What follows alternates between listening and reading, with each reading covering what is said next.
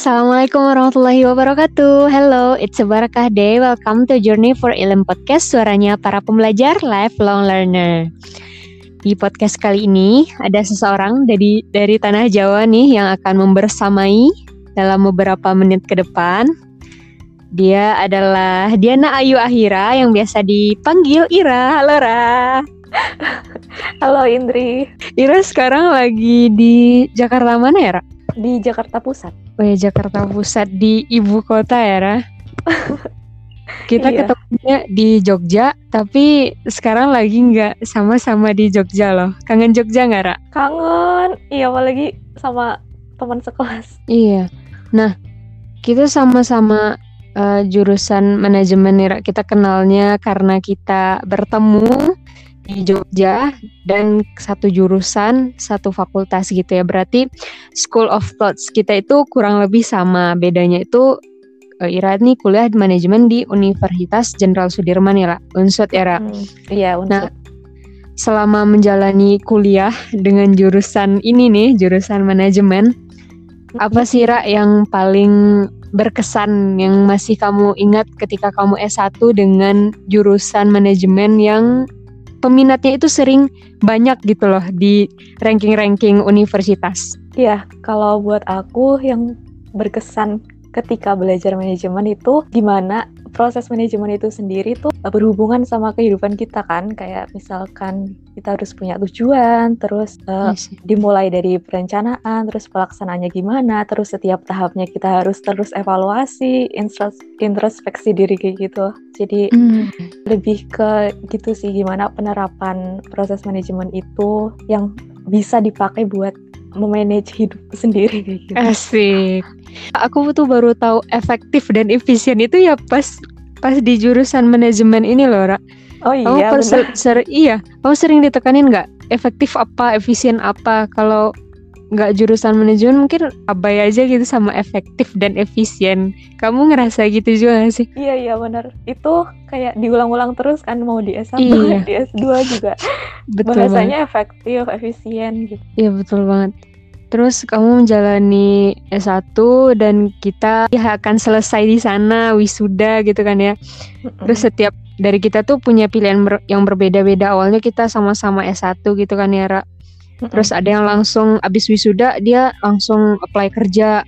Terus ada juga yang lanjutin usaha orang tuanya. Mungkin di sisi lain ada yang emang punya sense untuk jadi entrepreneur. Terus ada juga yang lanjutin sekolah ke jenjang yang lebih tinggi. Nah, dengan kamu kita ketemu di waktu pengenalan kampus. Kita kan ketemunya pas kenalan kampus duduk-duduk pas lagi makan istirahat gitu kan ya? Iya, masih Iya sih? banget dulu kenalan sama Indri terus dari Padang gitu. Halo Ira gitu kan. Terus berarti Ira telah memutuskan untuk melanjutkan ke pasca sarjana gitu kan ya. It means lanjutin sekolah. Nah, baru berjalan nih kan kita baru kenal terus eh, semester 1 gitu kan ya, Ra. Terus di tengah-tengah pandemi iya, datang. Terus kita pembelajarannya otomatis daring dong kan ya. iya. Nah, kamu kan kamu dari Purwokerto. eh, dari Purwokerto ke Jogja niatnya kan itu merantau gitu kan ya. Iya, itu dia. Nah itu gimana? Padahal niatnya udah merantau, eh daring gitu. Kamu gimana sih eh, hal yang itu kamu ini kan kita udah lebih dari satu tahun online gitu. Dan ya nggak ketemu sama teman-teman. Dan itu kepikiran nggak ketika untuk memutuskan mau lanjut studi itu apa yang terbayangkan ketika daring? ketika daring nggak kayak nggak signifikan banget sih kalau buat aku. Maksudnya ya udah oke oke aja kalau buat daring Oh, tuh. ya, cuma see. cuma itu dia yang tadinya kayak udah siap-siap buat belajar hidup gitu ya kan merantau buat pertama kalinya terus tahu-tahu ternyata di perantauan cuma sebulan aja habis itu pulang lagi ke Wah. rumah Abis itu kamu langsung pulang ya? iya jadi Iya. ya udah Ya udah terima ya, Ra. Weh, Ya udah. iya, iya. Kan ada tuh eh, ketika kita online, kira di rumah. Kalau udah niatnya merantau terus habis itu pulang ke Purwokerto, berarti kita terpisah jarak dengan teman-teman seperjuangan kan ya, Ra? Berada di depan laptop, fokus dan ya beberapa menghadapi keadaan yang orang-orang bilang itu burnout gitu. Yang biasanya jadi di kondisi tubuh ataupun emosi kayak mata kita kelelahan, otot kita nyeri atau ujung-ujungnya nggak bisa tidur atau insomnia dan perubahan emosi kita tuh juga berubah ketika burnout itu kan jadi lebih sensitif dan sebagainya. Nah keadaan burnout ini, kelelahan fisik dan emosional ini pernah nggak kamu alami selama kuliah online ini, Ra? Kalau aku ngalaminnya mungkin capek iya, tapi kayaknya nggak sampai burnout sih. Aku kan juga online ini kan gitu ya yang dihadapin. Iya. Ditambah lagi aku sempet kayak infeksi mata gitu, jadi ngelihatnya nggak jelas gitu. Kalau misal di ngadepin uh, laptop buat kuliah gitu kayak harus ditetesin gitu kan setiap tiga jam kayak gitu. Ya udahlah. Benar-benar kelelahan matamu kan gitu ya? Iya kayaknya sih. Soalnya sekarang udah sembuh sih. Mungkin ya karena dulu beneran dipakai terus kan tuh mata sampai. Iya aku iya. tuh kan nggak minus ya. Cuman mm -mm. waktu waktu itu tuh pernah sampai ngelihat langsung aja nggak jelas kayak gitu loh sampai ada tulisan terus aku minta tolong Kabur temenku gitu ya? apa itu udah diperiksain juga ke oh. emang sih kayak gitu sih dan salah satu penyebabnya ya fok terlalu fokus di depan layar kan ya Ra? mungkin itu yang buat memperparah juga kali ya dan kamu secara obat dari dokter itu ada nggak hal lain yang kamu lakukan untuk mengatasi keadaan tubuh mungkin yang eh, nggak uh, nerima gitu sama yang terlalu terforsir dan fokus depan layar itu, Ra?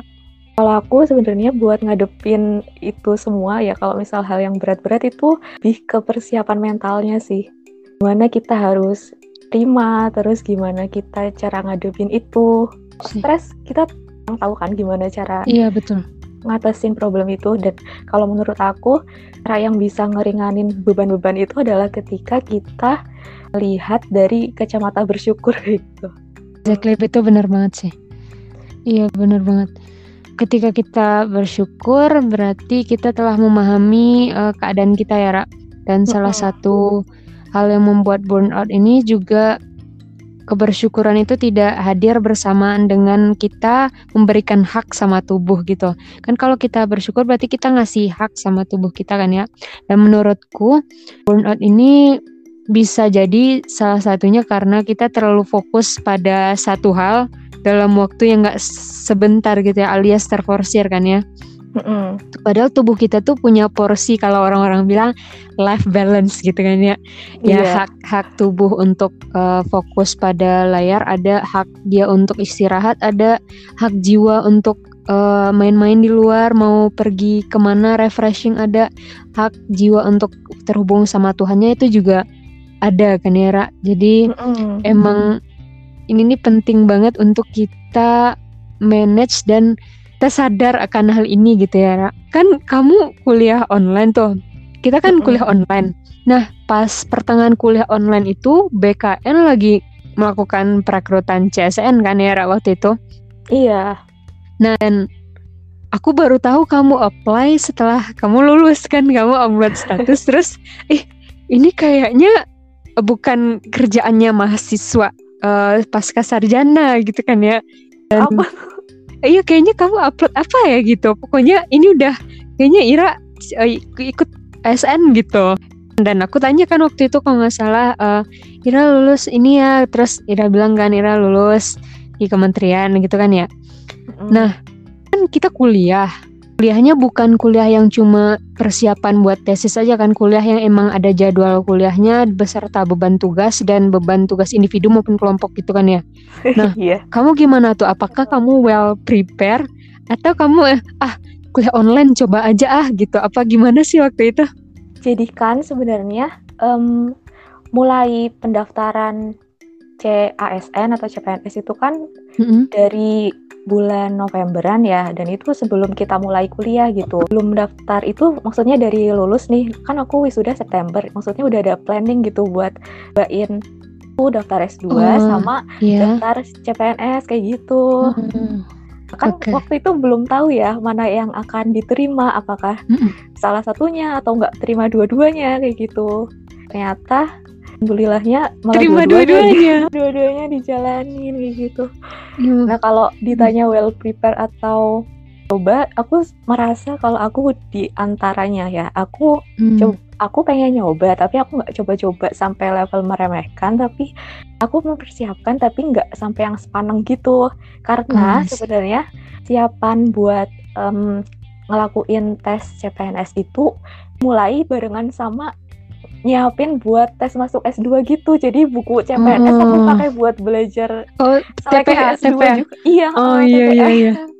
Iya kan jadi sekalian gitu emang jalannya barengan. Apanya pun di bareng gitu. Oh, Kalian kalau ada kan sekarang itu tryout tryout online gitu, itu kamu pernah nggak cobain Enggak, gitu? Oh, berarti dulu fokus nggak di pernah. fokus di bukunya ya, Ra? Aku dulu belajar lewat buku sama lewat YouTube sih. Oh, Terus lewat belajar YouTube. sendiri aja gitu, nggak ikut-ikut tryout gitu. Hmm. Terus ada juga yang nanya-nanya misalkan kamu pengen di kementerian itu ada yang pernah di kementerian itu enggak gitu. Pernah nggak kamu nanya-nanya yang udah pernah gitu? Enggak, Oh, jadi emang fokus tester eh, buku sama YouTube ya? The power of YouTube ya? sama ini Iya. paling ketika aku udah tahu lolos tahap eh, yang awal-awal itu, aku tuh buka kayak blog gitu, terus ada yang bahas ketika dia seleksi di review ya? kementerian yang sama, Hmm. see. prosesnya gimana kan, jadi seenggaknya ada gambaran kayak gitu. Kalau aku bisa aku ambil kesimpulan emang kemarin itu kan aku juga ngelihat ada yang prepare S2 di luar negeri kan Ra. Jaraknya itu juga cepat gitu. Tapi sebenarnya yang orang lihat itu nggak seperti yang dia bayangkan gitu. Jauh di dalam itu mereka itu sebenarnya kayak kamu kan udah kepikiran untuk eh, CSN sambil juga mempersiapkan diri untuk S2 yang mana rezekinya gitu kan ya. Tapi di ada di prepare ikhtiarnya itu ada gitu ya Ra. Jadi emang usaha kita itu ada ada hasilnya insya Allah ya Ra, ketika kita mau berusaha dan berikhtiar gitu ya Ra. Ya Allah. Kamu dulu tes eh, TPA di mana? Ya, di UGM atau di Bapenas? Iya di UGM Paps. Waktu itu aku tes TPA itu di Bapenas. Apakah Bapenas yang tempat aku tes itu adalah bagian dari eh, tempat kamu bekerja atau bagaimana? Aku nggak tahu loh. Beda ya? Kalau kalau di aku TPA-nya ada kayak buat persiapan yang ngelanjutin sekolah gitu. Kan kalau aku unit kerjanya yang ngurusin beasiswa gitu. Buat seleksi-seleksinya, buat persiapannya itu biasanya ada TPA-nya di situ. Tapi kalau misal mau eh, coba tes TPA Bapenas itu biasanya lewat koperasinya sih kalau nggak salah ya. Itu kamu dekat kantor kamu dekat itu nggak? Enggak. Oh, Yang berarti aku ah, berarti aku belum pernah ke kantor kamu. Iya kantor aku misah sendiri tau. Oh, ini kirain aku aku udah pernah aku seneng nih aku pernah ke kantor kamu loh ternyata itu beda kantor ya Ra Iya kayaknya. Kamu nggak nyoba PAPS? karena jauh kan waktu itu aku di eh, Jakarta eh waktu itu di Tangerang Oh, jadi alah. dekatnya itu Bapenas kan kalau PPS kan berarti harus ke Jogja kan ya Ra Iya. jadi memutuskan di situ waktu itu nah kamu kan udah kerja nih udah kerja udah masuk ke dunia kerja yang katanya itu emang berbeda dari eh, dunia kuliah gitu nah ada nggak sih pelajaran berharga apa yang kamu rasa semasa kuliah ini memang ke apply ke bisa di apply gitu di masa kerja Ra? eh, bisa di-apply di masa kerja itu kayak misal kita waktu kuliah itu ikut organisasi. Hmm. Nah, di organisasi itu kan kita memutuskan diri kita untuk mengambil suatu kerjaan gitu kan, nambah-nambah kerjaan yang Iya. nggak dibayar gitu. Iya. Mau buat mikir, mau buat usaha, buat ngejalanin itu semua. Menurut aku konsep keikhlasan dan kesungguhan itu yang mesti bisa diterapin juga di dunia kerja gitu supaya kalau misal kita ngerasa kerjaannya rada berat atau dikasih kerjaan gitu itu nggak ngeluh mulu kayak gitu loh karena kan ingetnya dulu aja kuliah yang nggak dibayar mau lo ngelakuin ini dan itu. Bahkan ketika organisasinya nggak ada uang kita yang nyari uang kayak gitu. Iya ya. sedangkan iya gitu sedangkan di kerjaan ini udah Ini digaji ya? tapi kenapa masih ngeluh? Terus digaji sekian masih em, berharap sama yang lebih tinggi kayak gitu maksudnya. Maksudnya dibandingin sama yang lain kayak gitu ngebandingin diri kita sama yang lain terus ujung-ujungnya jadi negatif kayak gitu efeknya Berarti soft skill itu emang kepake banget ya proses pembelajaran kita selama di kuliah. Proses pembelajaran itu dari attitude dan sebagainya itu soft skill selama berorganisasi itulah yang benar-benar kepake ya, Ra. Iya, terutama ngadepin orang juga kan gimana Iya, iya. sininya beda-beda kayak gitu Iya ya. Nah, kamu kuliah nih kan.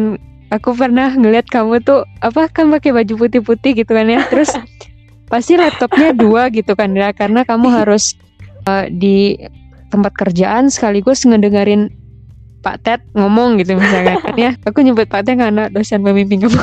Terus habis itu habis kamu lihat ke eh, ke layarnya pas misalkan workshop usulan penelitian kamu lanjut ke ini mat arah matanya kan ke ke tempat kerjaan gitu.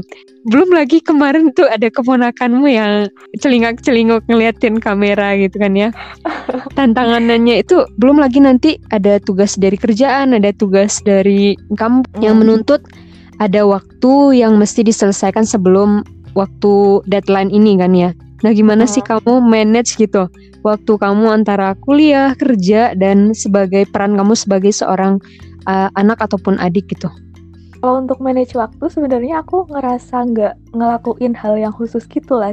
Justru salah manage waktu ini aku suka amazed gitu sama gimana Allah ngatur waktu aku. Kayak misal waktu masih proses seleksi kan kita yang sekelompok MPBU itu. Mm-mm. Di kita presentasi itu kan MPBU jam 7 ya. Ya, Terus- kamu ini wawancara ya? Terus Eh. iya jam sep 10 10 kita kuliah yang matkul keduanya. Jadi Iya. MPBU tuh jam 7 sampai 9.30 terus habis itu jam 10-nya lanjut kuliah lagi. Nah, waktu itu aku dapat jadwal wawancaranya itu jam 9.30 sampai jam 10. Jadi pas banget di tengah-tengah antara kuliah gitu. Terus waktu udah berjalan em, kerjaannya nih udah diterima, itu pun sama kayak gitu. Kayak misal waktu itu pernah aku ada rapat yang harus offline gitu. Jadinya ketemu langsung. Nah, di situ Iya. juga pas ada presentasi dua matkul kan. Nah, alhamdulillahnya presentasi yang pertama yang menstra Mm-mm. itu tuh tepat aku disuruh ngomong tepat sebelum aku keluar dari kamar buat ke tempat eh, meetingnya. Terus presentasi keduanya yang WUP itu tepat setelah aku masuk lagi ke kamar setelah dari meeting gitu. Jadi suka ya Allah makasih banget kayak gitu. Udah, ya Allah. Mm-mm, jadi waktunya kurang lebih selama aku ngejalanin dua hal itu ya kayak gitu yang dihadapin ketika kuliahnya lagi hektik. Alhamdulillah kan waktu itu masih latsar ya belum yang kerja beneran gitu. Latsarnya itu rada slow kayak gitu. Begitupun sebaliknya ketika latsar ini lagi hektik banyak tugas yang kelompok mesti deadline malam ini atau besok kayak gitu. Itu kuliahnya juga alhamdulillahnya lagi rada nyantai porsi yang aku lakuin paling dari akunya yang sebisa mungkin itu ngebuat sesuatu yang dilakuin sesimpel mungkin ya gitu. Yang penting tujuannya tercapai, nggak memperibet diri sendiri gitu. dan cara Allah memanage waktu kita tuh ya kita tuh nggak bisa bayangin ya Ra. Padahal kita aduh gimana nih gitu di pikiran Iya. kita ini bakal ketumpuk-ketumpuk gitu tapi Allah bilang ah, tenang biar aku yang atur gitu ya Ra. Iya, masya Allah. Hmm. Kayak gitu, aku juga kan bingung kan waktu yang harus dua presentasi terus ada meeting offline nanti gimana presentasi di tengah rapat gitu. Menurutku selain manage waktu untuk melakukan hal sesimpel mungkin menurutku kamu juga diinin sama orang tua sih Ra. karena aku lihat kamu hubungan dengan orang tua dan hubungan dengan Tuhan itu benar-benar eh, kamu jalankan dengan baik gitu kalau aku melihatnya jadi peran dua hal itu tidak bisa dikesampingkan gitu ya dari hal yang memudah menurut aku gitu dari luar Aku ngerasa doa orang tua itu penting banget sih. Kan papaku juga selalu bilang kalau Iya didoain terus kok kayak gitu supaya kuliahnya lancar terus dikasih kerjaan yang baik gitu-gitu. Jadi emang doa orang tua berpengaruh sekali. Mamaku juga iya.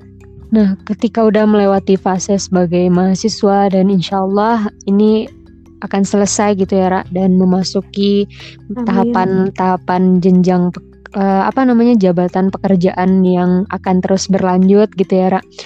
Apa sih pesan kamu bagi orang-orang yang mungkin sekarang lagi berikhtiar untuk seleksi CSN kan sekarang juga lagi proses gitu ya, Ra. Terus orang-orang yang lain juga yang mungkin lagi berikhtiar untuk mau sekolah gitu, Ra. Dan aku lakuin, jalanin usahain apa yang dipengenkan dengan sebaik mungkin dan hadapi itu dengan tenang aja kayak gitu karena hasilnya itu mutlak di tangan Allah kan kayak gitu. Jadi apa pun yang Allah kasih nanti mau sesuai sama keinginan kita atau nggak sesuai itu tetap diterima dengan alhamdulillah aja kayak gitu. Karena Allah yang lebih tahu mana yang terbaik buat kita gitu.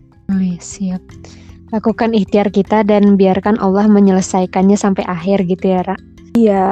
Uh, aku sih merasa uh, keren sih emas sih sama Ira yang melakukan dua hal sekaligus sambil melakukan perannya sebagai anak dan adik yang mungkin bisa diambil pelajaran bagi teman-teman yang mendengarkan podcast ini. Mungkin kita cukupin dulu ya, Ra. Udah udah cukup lama nih kita ngobrol. Iya, makasih loh Indri.